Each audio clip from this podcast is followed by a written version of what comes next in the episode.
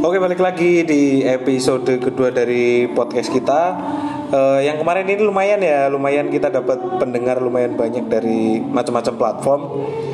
Ini kebetulan kita lagi ada di Kebumen Malindo Milk. Ini di malam minggu lumayan rame, jadi mungkin kalau nanti keganggu sama suara-suara lain, eh, maklumin lah ya. ini masih kayak kemarin kita masih ketemu sama teman-teman yang sama. Saya Bayu, terus ada Mas Fajar sama Mas Gurnito. Yo yo yo. Oke. Untuk malam ini kita akan ngomongin topik yang lagi rame lah. Itu kayak kemarin nih Mas ya. Eh, belakangan ini lagi rame kan gara-gara Covid.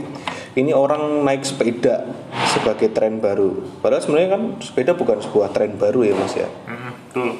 Sepeda bukan barang baru, cuman nggak tahu kenapa ini kok tren ini mulai menjamur lagi, mulai dari kota besar sampai kota-kota kecil sampai pedesaan ini udah mulai rame. Itu kayak kemarin yang kasus yang terbaru kan ada pesepeda masuk jalan tol ya. Itu gimana menurut teman-teman nih? Kalau aku belum dengerin sepeda masuk jalan tol, aku kurang update deh kayaknya. Aku udah masuk, cuman aku mau cerita ini dulu, analisisku sih. Ah, ah. Analisis ngawur sebenarnya. Iya, iya. Kok bisa di Indonesia itu booming sepeda lagi? Nah, Kalau teman-teman ingat runut dari awal, awalnya itu gara-gara kasus penyelundupan Brompton. nah, iya. Ah, betul betul. Itu pertama banget kasus penyelundup- penyelundupan Brompton oleh salah satu petinggi petinggi Maskapai plat merah lah ya. Udah saya sebutin lah ya. Jadi karena itu orang jadi sadar ternyata ada sepeda yang harganya tuh Nggak normal. apa ya? normal. normal. Harganya tuh harga sepeda motor, Pak. Betul betul. Iya. Sepeda motor pun bukan sepeda motor biasa. Bener, termasuk saya baru tahu ternyata ada sepeda yang segitunya gitu loh. Hmm, Brompton itu ya. Dan akhirnya tuh menjadi ikon kekayaan seseorang. Hmm. Sama kayak kamu punya Brompton tuh kayak sama kamu punya iPhone, kamu punya eh, mobil Mercy. Hmm, Kalau kalau motor lebih ke kayak Royal Enfield mungkin ya. Iya, mungkin kayak itu sim- simbol kekayaan. Iya.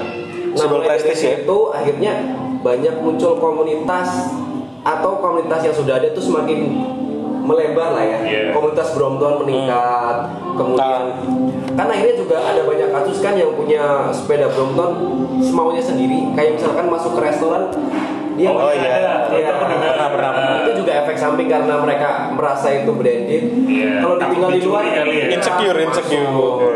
itu siapa runut itu kemudian akhirnya go- golongan menengah ke bawah nggak mau kalah nih masa pada rame sepeda saya nggak punya sepeda Iya betul.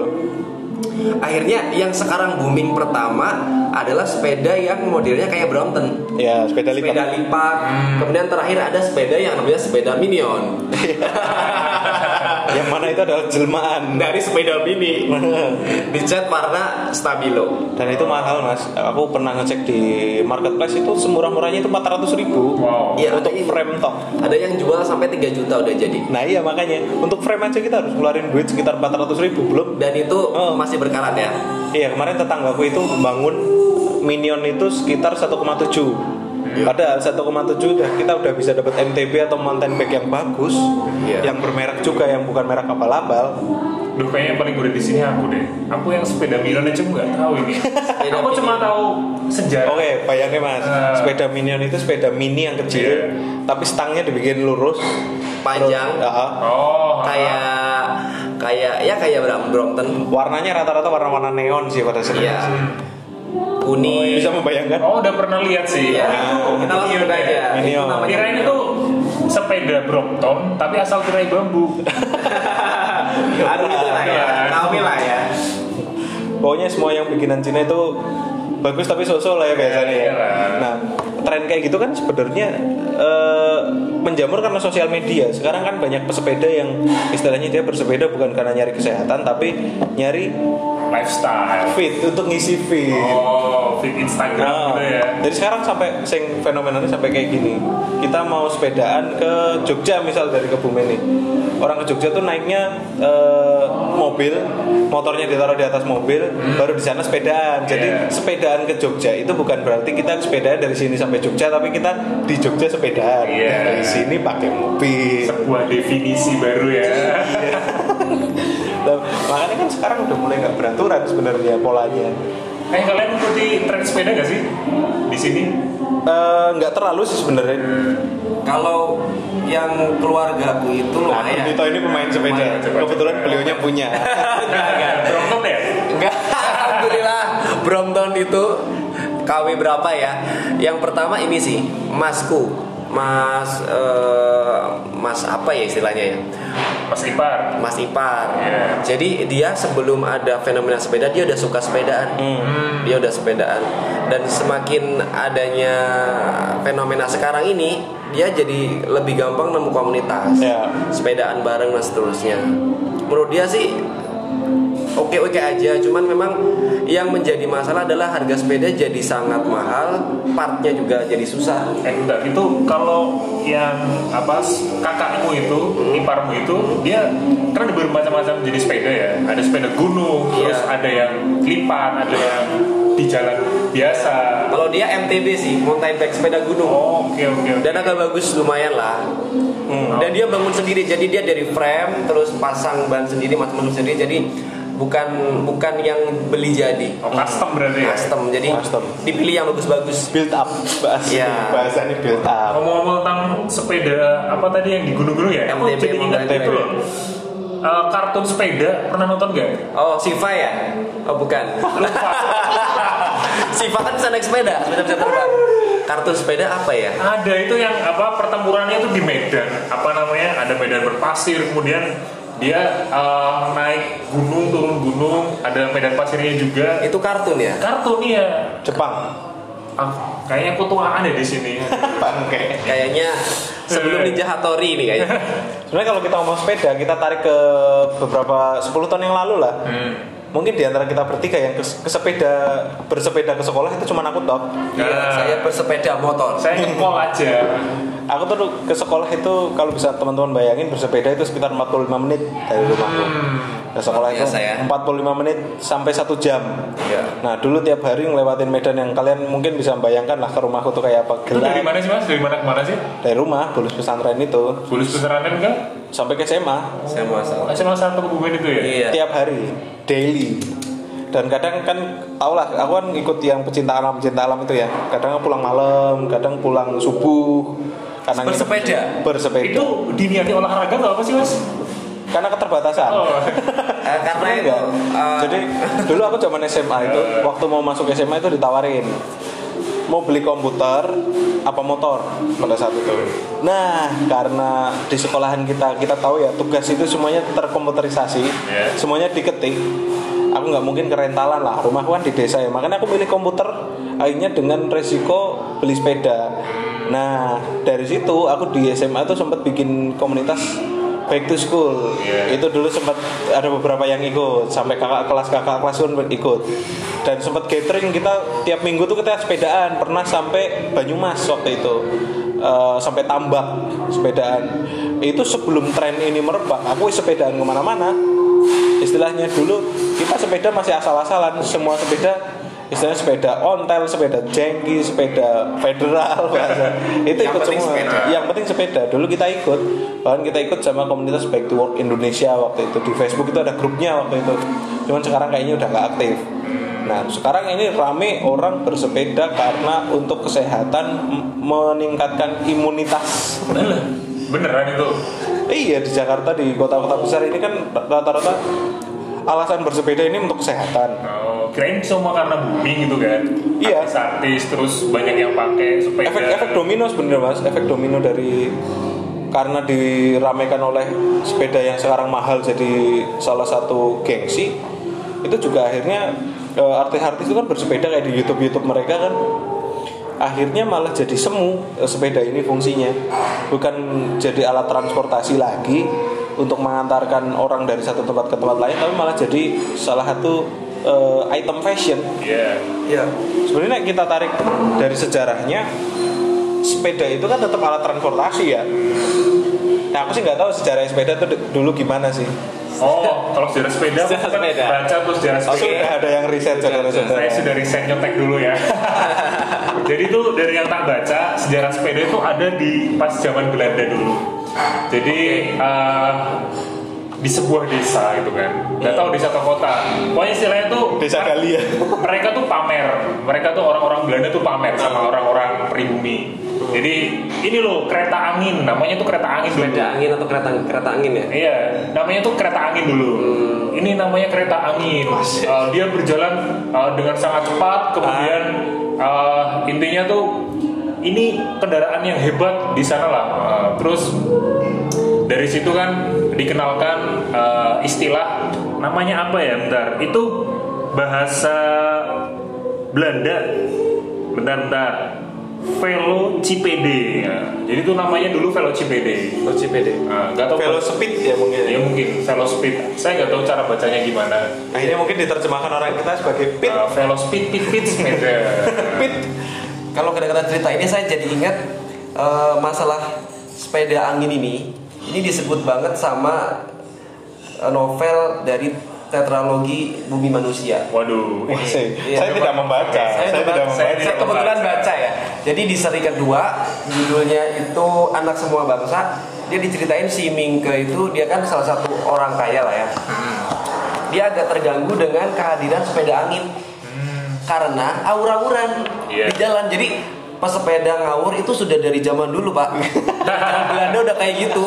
Asalnya emang kayak gitu. Jadi Udah rebel dari dulu ya. Iya karena dia pakai eh, dia dia masih pakai pedati lah apa sih Ya kereta Pedal. kereta kuda Kereta kuda, kereta kuda. si, si Mingke untuk golongan golongan pribumi golongan yang kaya dia tuh pakai kereta kuda nah untuk golongan yang menengah daripada jalan sepeda angin lah alternatifnya tapi efeknya di jalanan ngawur mengganggu dan berbahaya kan namanya sepeda angin Itu kalau sepeda angin di novel itu ada pedal sama ada stangnya nggak?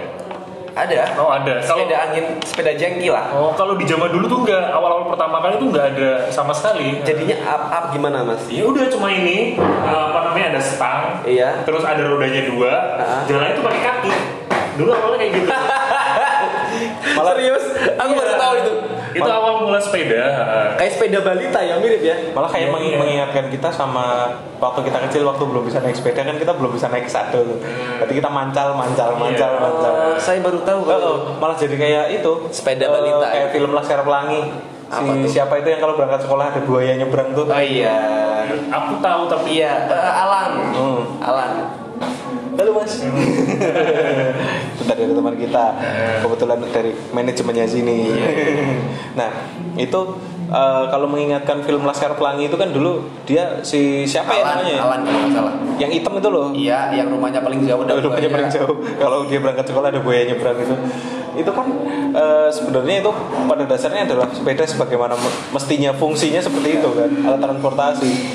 Kalau mungkin kita tarik beberapa tahun yang lalu di Kebumen ini kota kecil, ini isinya pesepeda. Katakanlah 10 tahun yang lalu saya berangkat sekolah naik sepeda itu temennya banyak dan lintas sekolah, lintas profesi ketemu orang pasar, ketemu apa macam-macam masih naik sepeda. Sekarang orang semua hampir semua rumah rumah udah punya motor. Iya. Betul kan sebenarnya? Betul. Semua rumah sekarang hampir punya motor. Nah, kalau kita tarik tarik lagi ke zaman sekarang, sebenarnya sepeda itu lebih ke tren, fashion atau kebutuhan sih sebenarnya. Oke. kalau aku lihat Mas sih Fajar. fashion sih. Fashion. fashion ya karena awal-awalnya ya tadi mungkin seperti sudah disebutin Mas Gurnito karena Brompton itu Hmm. terus lalu Corona karena nggak boleh car free day lari-lari Hmm. akhirnya sepeda sepeda sepeda merebak Hmm. terus selebgram artis mereka juga mulai pakai sepeda juga kayak kemarin uh, Nirina Zubair atau apa yang pernah saya lihat Ya yang sepedaan Mahal-mahal sepedaan juga. jauh banget itu loh Iya. dari Jakarta sampai Bali tuh mana sampai ya? Bali heeh, Uh, sama Ari Daging itu. Iya, nah, makanya itu juga kayak campaign mungkin ya. Ya. Terus juga jadi lifestyle. Ya mungkin fashion lah sekarang. Fashion ya akhirnya ya.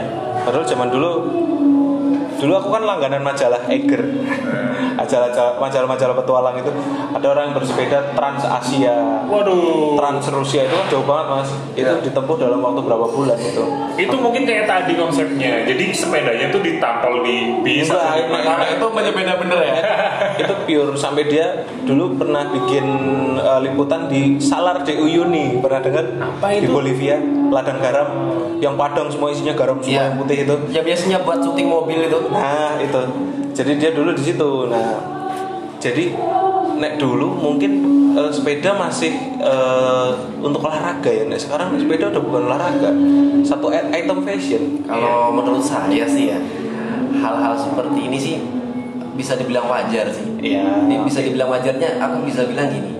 Eh, yang pertama sepeda itu bukan lagi hal umum hmm. buat orang sekarang buat transportasi itu kayak ngapain naik sepeda ada sepeda motor akhirnya memang sepeda sempat terabaikan kan Hmm. bener ya ada masa-masa di mana ngapain naik sepeda mending sepeda motor Hmm. mungkin di rumah kita pun pada punya sepeda tapi nganggur di rumah bener gak? Ya. nah karena walaupun cuma ke warung tetap mending naik motor aja orang naik Hmm. motor sekarang tinggal stop and go gampang banget akhirnya sepeda terpinggirkan nah terus dipacu dengan campaign dari kasus nasional ditambah artis selebgram pejabat orang-orang kaya.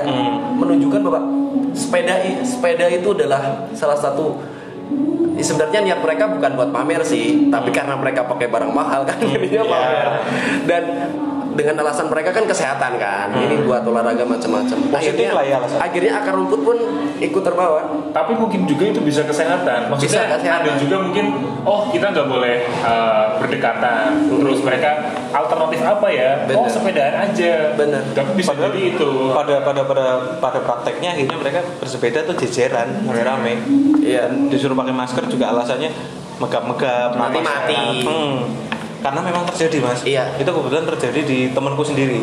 Aku punya teman tuh di Jogja dia sepedaan itu rutin tiap tiap hari minggu dia rutin sepedaan. Itu temennya meninggal serangan jantung pas lagi sepedaan karena nanjak di daerah Suroloyo Kulon Progo itu loh. Itu masuk ke Kulon Progo apa Magelang sih? Itu dia nanjak nggak kuat minta berhenti tiba-tiba jatuh pingsan. Nggak lama medis datang ternyata sudah dinyatakan meninggal. Innalillahi wa inna ilaihi raji'un. karena memang sebenarnya bersepeda itu secara kardio ya mas. Aku dulu ngerasain sendiri. Jadi sebenarnya jantung kita ketika nanjak itu kan kerjanya lebih berat ya. Sedangkan orang-orang kan jantungnya masing-masing ya kekuatannya. Ada yang istilahnya kayak dari aliran darahnya udah banyak kolesterol dipaksa jalan malah penyumbatan akhirnya pecah. pecah meninggal. Oh, kirain tuh aku nggak begitu mengilhami apa sih Eh, istilahnya kalau tak kira sepeda itu ya cuma aja. kaki aja kalau pas aja ya tinggal kita genjot lebih kencang Iya. aja Tapi kan sampai otomatis jantung kita kan bekerja lebih berat oh iya juga sih Hmm. Nah, pernah ngerasa juga kalau setelah capek sininya megap-megap lah Iya deg-degan. Nah itu, ini kalau kalau kita ngomongin eh, sepeda sebagai fashion atau tren, tren itu kan pasti berganti ya. Akhirnya kita berpikir what next setelah sepeda. Tapi kita juga bisa ngambil apa sih sisi lain juga. Karena sepeda ini kan orang jadi lebih sedikit yang pakai sepeda motor mungkin ya. Terus Iya. jadi uh, isu-isu kayak global warming apa itu katanya sempat di scan juga itu jadi lebih bagus uh, apa ya udaranya gitu loh. Kalau di Jakarta apalagi kan tahu kan di sana udaranya seperti apa. Burung terbang aja bisa mati mas di Jakarta. Nah, iya. Kalau sekarang katanya udah lebih bagus. Berarti ada manfaatnya juga ya. Eh, iya.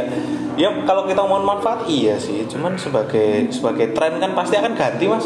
akan ganti gak akan lama Kayak dulu sebelumnya kan tren aki, tren bunga. Sekarang kan bunga juga lagi ngetren lagi ya. Dulu kan kayak gelombang cinta itu kan harganya udah seharga mobil. Se bunga tok loh se- seharga mobil. Nah ini kira-kira setelah sepeda apa ini kira-kira dari teman-teman kira-kira bayangan? Sebentar, saya lagi tertarik nih sebenarnya tren apa? Coba kita inget-inget teman-teman. Tren apa sih yang sempat booming di Indonesia? Aku malah berharapnya ini bisa jadi lifestyle loh, kayak tren Kalau kalau lifestyle sih enggak sih. Mobilitas kita udah dituntut nggak kayak gini sedangkan pemerintah ini belum provide transportasi umum yang proper. Soalnya temanku ada kerja di Jakarta tuh dia pasti jalan, eh, bukan jalan bersepeda dari kosan ke kantor, di Iya. kantor mandi, Iya. ya kayak gitu ada. Ya, aku pun pernah melakukan hal itu. Lifestyle. Coba nek tak tanya ke masing-masing kalian, kapan terakhir kalian naik angkutan umum di Kebumen? Angkutan umum ya. Selain- Kalau Gojek, Grab itu termasuk angkutan Bukan. umum kan? Bukan, bukan sih. Angkutan umum tuh bis. Yang masal, yang masal. Bis. Ya SMA kelas 1 Eh enggak kemarin baru sih Setelah kalian pasca kalian pulang dari perantauan ke sini, kalian kapan terakhir kalian naik?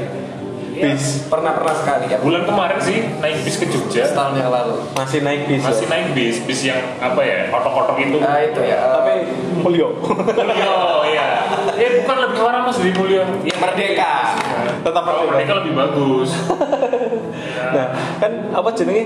Terakhir kalian naik itu kan udah lama dan nggak reguler kan? Kan ya, kalian nggak daily naik kendaraan umum kan? enggak Sedangkan kayak orang di Jepang, orang di Amerika itu kan daily dia naik kereta. Daily dia naik komuter lain, dia naik yang di bawah itu apa namanya? Di bawah tanah?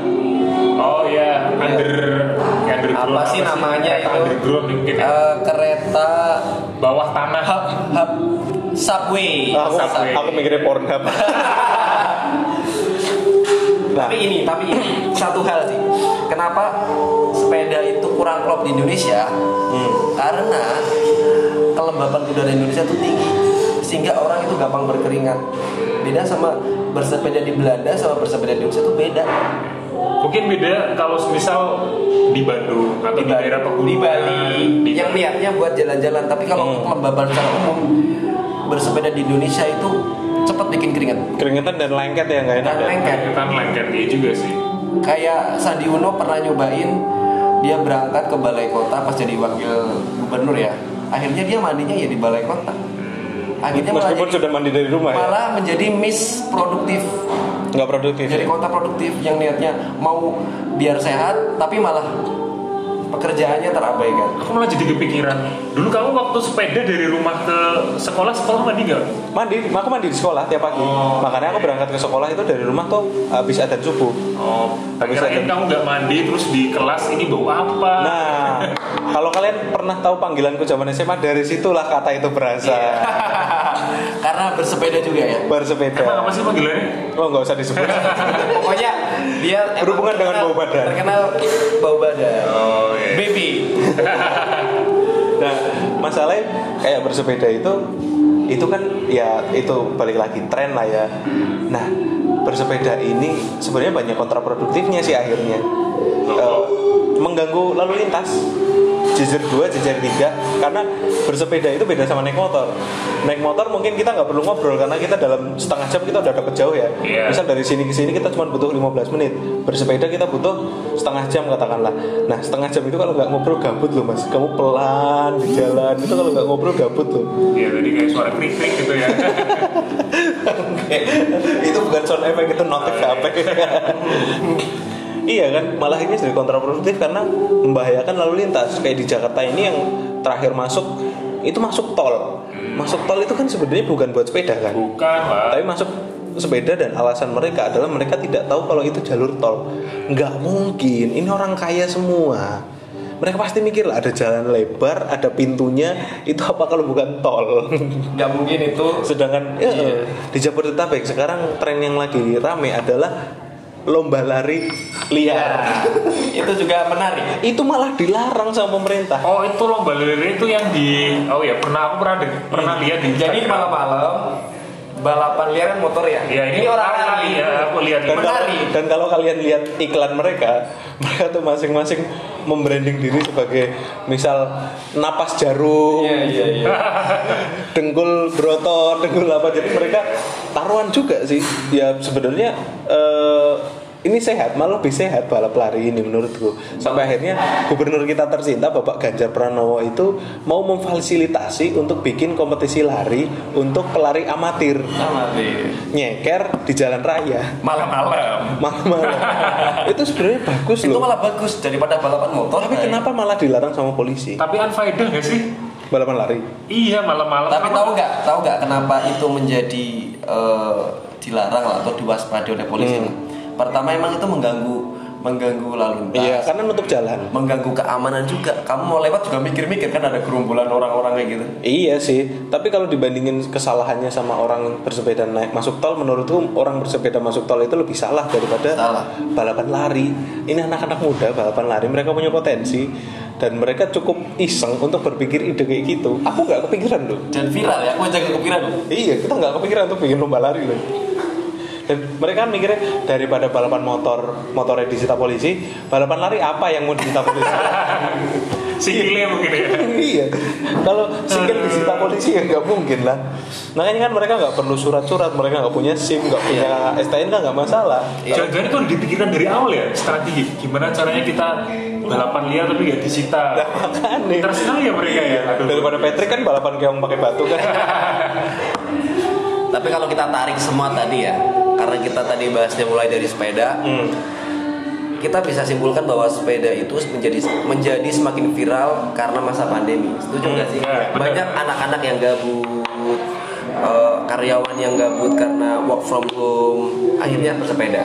Hmm. Tapi Bisa nggak ditarik kesimpulan seperti itu? Karena corona bersepeda menjadi tren, menjadi semakin ngetren. iya mungkin sedikit tak ralat sih, bukan karena corona itu tapi mungkin karena ini normal. Tadinya kan dia nggak ngapa-ngapain di rumah. Oke. gabut. Terus dia mau keluar tapi yang aman. Oke. Terus ada beberapa wacana selebgram Instagram pakai ini. Akhirnya dia Campaign lah ya, secara tidak langsung. Oke, Iya. bisa jadi. itu sih. bisa diterima mungkin ya itu ya kalau kalau new normal itu kayak memperbesar tren sepeda. iya dan sebenarnya kan eh, mereka itu sebenarnya nyari pelarian sih menurutku. Bersepeda itu adalah pelarian. Iya betul. bukan solusi.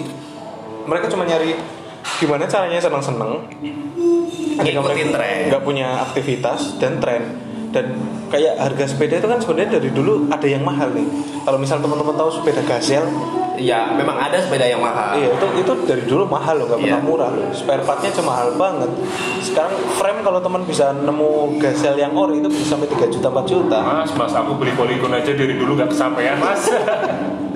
padahal polygon itu murah ya hitungannya ya iya, saya pas zaman dulu waktu sekolah mau beli gitu ternyata mewah banget mas. Mewah. Beli, second di pasar. Iya. Paling dulu waktu zamanku ya kurs itu harganya kurs waktu aku masih sekolah ya. itu harga 200 ribu udah dapat mas. tapi sampai sekarang masih belum turutan padahal budgetnya udah ada kan Berarti Iya. kemauan Tapi kemauan aja belum ada iya. Apa gitu ya? Iya, apa yang udah ada sepeda motor ini yo? Alah, itu kan pola pikirnya akhirnya kembali ke kebutuhan masing-masing kan. Kita Iya. butuh nggak sih bersepeda? Iya. Kita butuh nggak sih sepeda? Kita perlu nggak sih bersepeda? Kembali ke diri masing-masing. Nek, buat aku sih, untuk mobilitasku yang sekarang bersepeda itu nggak efisien. Akhirnya sepeda itu cuma jadi ya kebutuhan Gimik, gimik. gimmick aja sih. Kalau jujur aku pingin sih lagi ada aku bayangin aku pagi-pagi bersepeda tak pasang gitu loh yang buat anak kecil di depan. Oh iya. Sepeda bareng anak. Aku bayangin, itu nah, anakku itu gede- enak banget. Anakku gede dikit juga besok tak beli. Iya. Aku malah mikirnya itu. Mungkin aku juga akan melakukan itu nanti kalau dia udah gak. Iya iya. Mungkin aku kalau udah punya istri bisa sepeda. Eh di dibonceng di depan ya. Nah aku sih dulu kayak zaman adikku masih kecil ya itu tak beliin itu loh, yang tangkringan di depan itu loh di stang itu. Nah, aku dulu sama, sama sama adikku tuh ngobrol di jalan karena aku sama adikku kan selisih 11 tahun. Kita sering ngobrol di jalan nunjukin ini rumahnya ini, ini rumahnya ini, ketemu itu, ketemu ini. Itu sebenarnya jadi pendidikan yang bagus buat anak-anak. Eh kalian masih ingat gak sih kapan pertama kali kalian bisa naik sepeda? Terus siapa yang ngajarin? Nah aku nggak ada yang ngajarin kebetulan. Jadi Otodidak. Eh, eh, jadi orang tua aku tuh beliin sepeda dan aku nggak diajarin. Pokoknya dulu sepeda roda, roda bantu warna hitam, Nah, merek mereknya Power Ranger. waduh. Tahu nggak sepeda aku mereknya apa? Subaru men. Nah, sama men. Sama. Aku Bukan kaleng-kaleng loh, bukan Toyota, bukan Yamaha. Subaru. Subaru. Subaru. Aku masih masih ingat dan sekarang sepedanya masih ada, cuman di te- tetanggaku karena sepeda kayak gitu kan kalau di desa kan digilir, Iya iya. digilir. Kayak apaan aja. Jadi gimana caranya kita nggak perlu beli tapi punya. Oh iya iya. iya. itu kan mental mental orang kita kan. Gimana? Pinjam pinjam. Iya. Pinjam. Eh, itu adalah kultur ngelungsur Iya. ngelungsuran itu loh. Surat. Kayak anakku bayi itu, aku sama sekali belum pernah ngerasain beli baju tapi baju anakku komplit. Iya. Lungsuran. Lungsuran sama kado. Oh iya iya. kado orang Mui itu. Nah, kan kayak kayak sepeda ini hanya bisa jadi legacy untuk keturunan kita mendatang bahwa pernah ada era di mana sepeda itu sangat booming. Ketika suatu saat sepeda itu udah mulai basi, ini sepeda-sepeda yang mahal ini mau digimanain? Iya iya. Kita tunggu lelangnya aja. Kita tunggu lelangnya. Ketika sepeda-sepeda udah nggak dibutuhkan ya. Jadi akhirnya bersepeda ini gimmick atau kebutuhan? Gimik. Gimmick. Kalau menurutku gini. Gimmick ya. Berarti kita semua setuju gimmick ya. Gimik. Karena ada beberapa hal sih yang bil- saya bilang bisa bilang gimmick. Yang pertama eh, ngikutin tren Hmm. ngikutin tren pertama yang kedua harganya udah mulai nggak masuk akal Ya. itu lebih dari hobi sih Iya.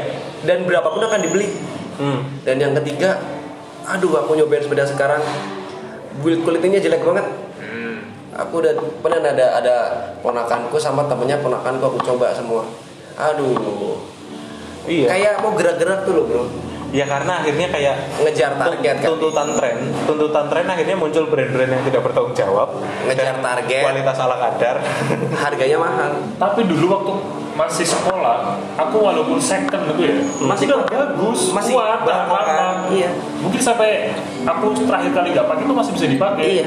Nah makanya Itu di mana sih? akhirnya sepeda kita gimmick dan kita nggak tahu besok akan tren kayak apa lagi. Jadi banyak orang yang berinvestasi beli sepeda mahal dari sekarang, besok akan jadi sepeda klasik. itu berarti bukan investasi itu namanya.